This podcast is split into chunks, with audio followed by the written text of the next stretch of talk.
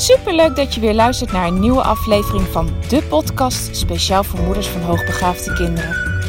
Mijn naam is Eveline Noordzij en in deze podcast deel ik tips en inspiratie, zodat jij meer en meer in jezelf gaat geloven en durft te vertrouwen op je intuïtie. Want jij bent precies de moeder die jouw kind nodig heeft. Hoe ga je om met uitdagende situaties? Wat heeft jouw kind van jou nodig? En hoe zorg je voor verandering in je gezinssituatie door jouw eigen persoonlijke groei?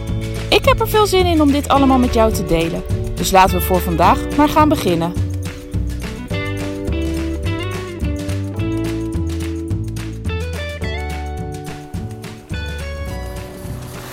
Goedemorgen. Vandaag eventjes iets later dan gepland. Het lukte mij gisteren echt niet meer om een podcast op te nemen. We zijn gisteren vanuit Italië naar Kroatië gereisd. We zitten nu op Kurk, op een camping. En toen we hier aankwamen en de caravan neer hadden gezet en de tafels en stoelen hadden buiten gezet, toen zijn we als eerste met de kinderen naar het zwembad gegaan.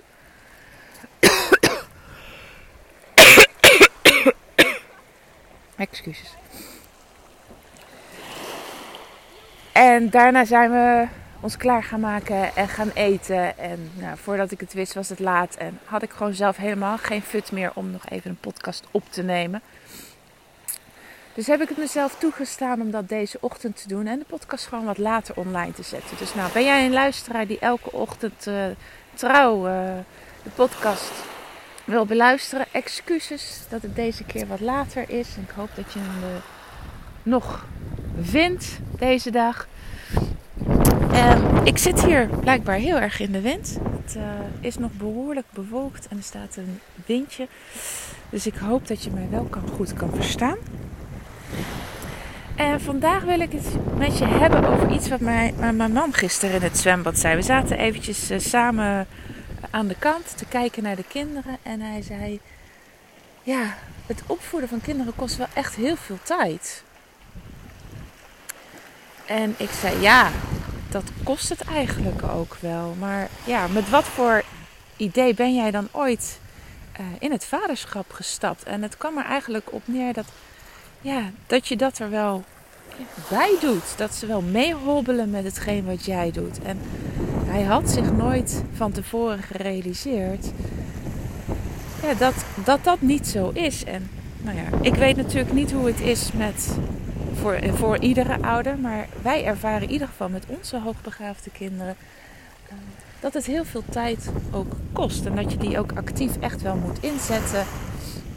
Zodat, ze, ja, zo, zodat het gezin blijft draaien, draaien. En ja, ik ben daar al heel lang geleden wel achter gekomen dat dat niet iets is wat je erbij doet. Misschien zelfs wel toen ze nog baby waren. Hè? Ik uh, vertelde van de week in de podcast al dat, we, dat ik bij de eerste de roze wolk niet heb ervaren. Nou, dat heb ik bij nummer twee ook niet ervaren.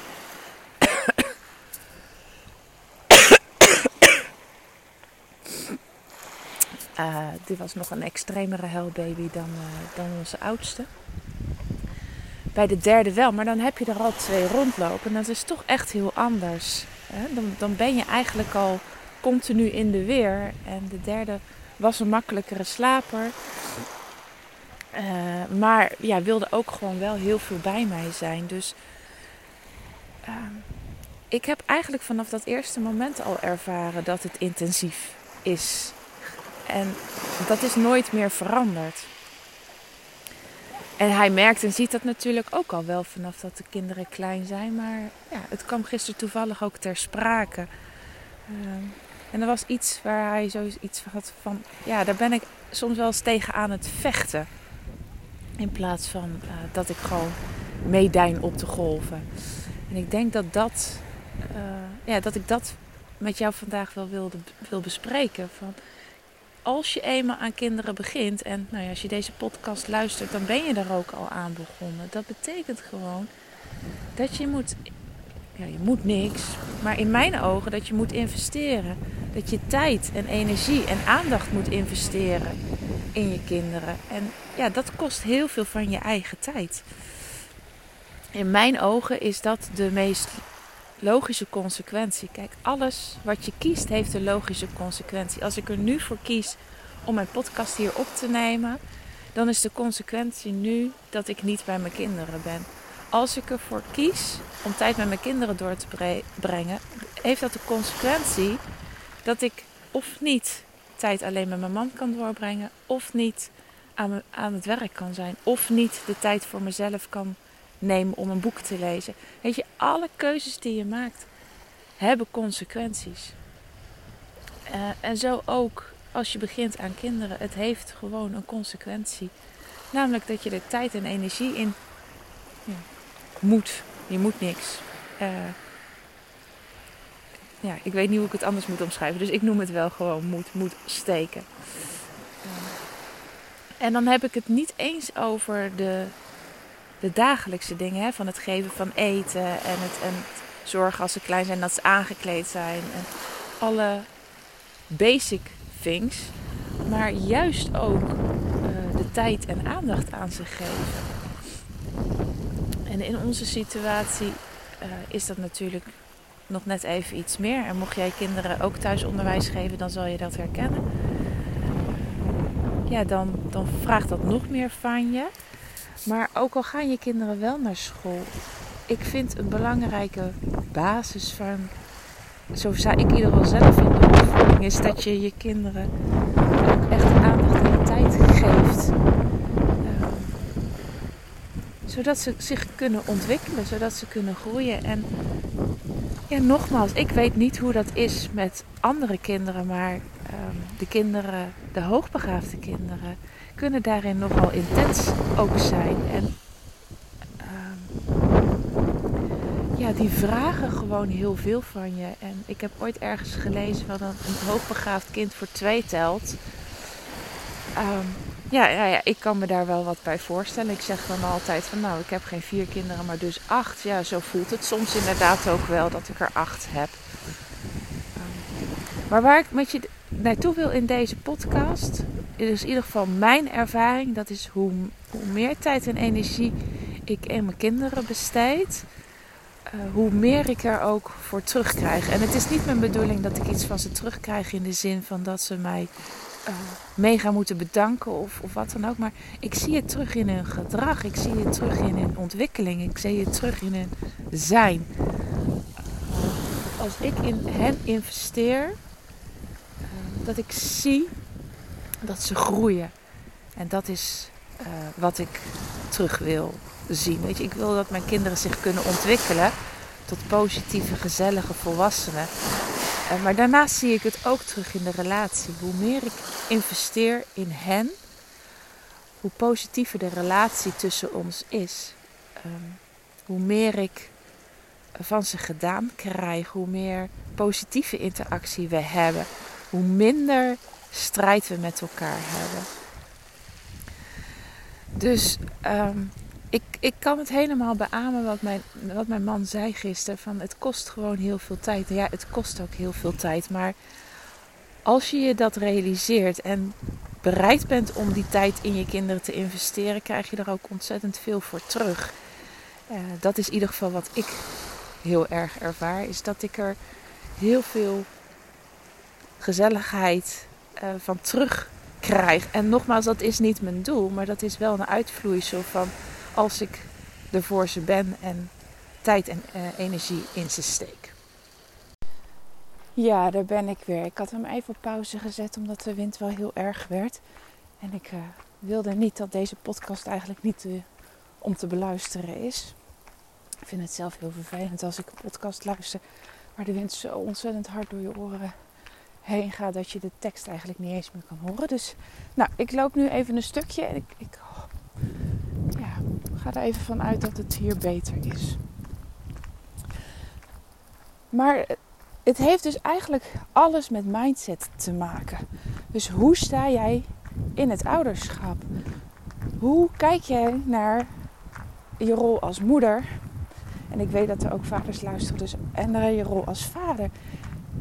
En welke overtuiging heb jij? Heb jij net zoals mijn man de overtuiging dat het makkelijk moet gaan en dat kinderen maar mee moeten lopen in alles uh, wat jij doet, ja, dan kan ik me heel goed voorstellen dat als dat niet zo gaat, en in mijn ogen, in mijn beleving, is dat niet zoals het gaat met kinderen, ja, dan, dan heb je het gevoel dat het lastig en moeilijk is. Want je bent eigenlijk heel vaak dan aan het vechten.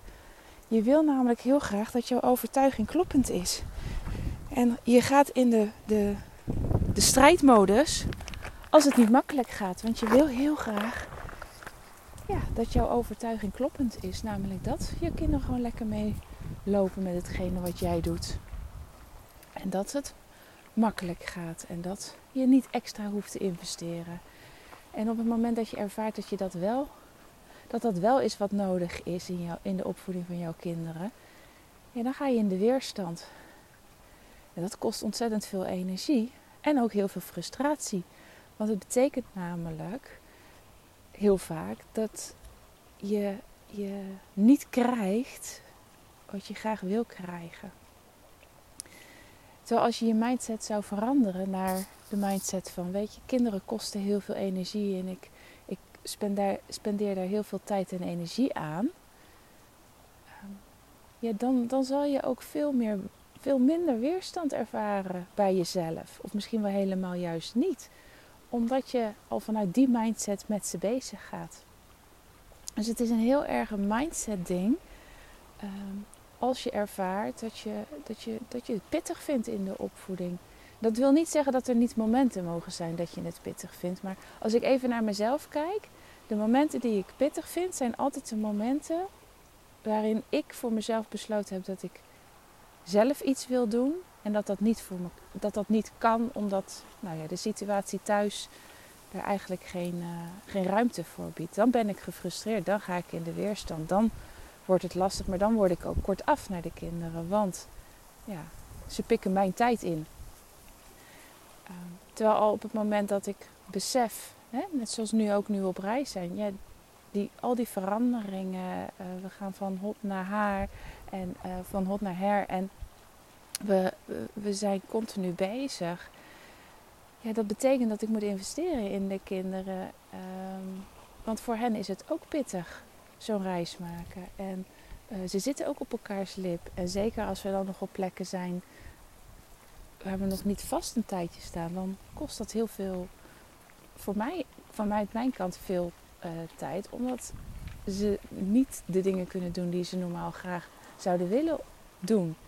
als we op zo'n parkeerplek staan om te overnachten, ja, dan is er niks voor de kinderen. Dan zullen we toch echt actief iets met ze moeten. En op de momenten dat ik daar gewoon van uitga dat dat zo is, ja, dan zit ik, dan, dan ervaar ik geen weerstand bij mezelf. En dan gaat het ook makkelijk. En, dan, en dat is denk ik wat ik in ieder geval dan op die momenten ervaar. Dan heb ik er ook plezier in om tijd met de kinderen door te brengen. Dus ja, alles valt of staat met je mindset. Hoe sta je erin? Hoe, hoe, hoe kijk je naar het ouderschap? En op het moment dat je bij jezelf merkt dat je andere verwachtingen hebt dan de daadwerkelijke situatie, ja, zit jij dan in die weerstand en roept die weerstand dan uh, op dat je eigenlijk dat niet wil, wat je wel zou, ja, zou moeten bieden aan je kinderen? Nou, dat is een interessante vraag. Ik ga het hier voor hier voor vandaag bij laten. Ik heb een uh, prachtig plekje gevonden. Ben ik er even bij gaan zitten. Heel even genieten, foto's maken en dan loop ik straks weer lekker verder. Ik ben in een dagelijkse rondje wat ik voor vandaag wens ik je weer een fijne dag en ik spreek je snel weer. Doei doei!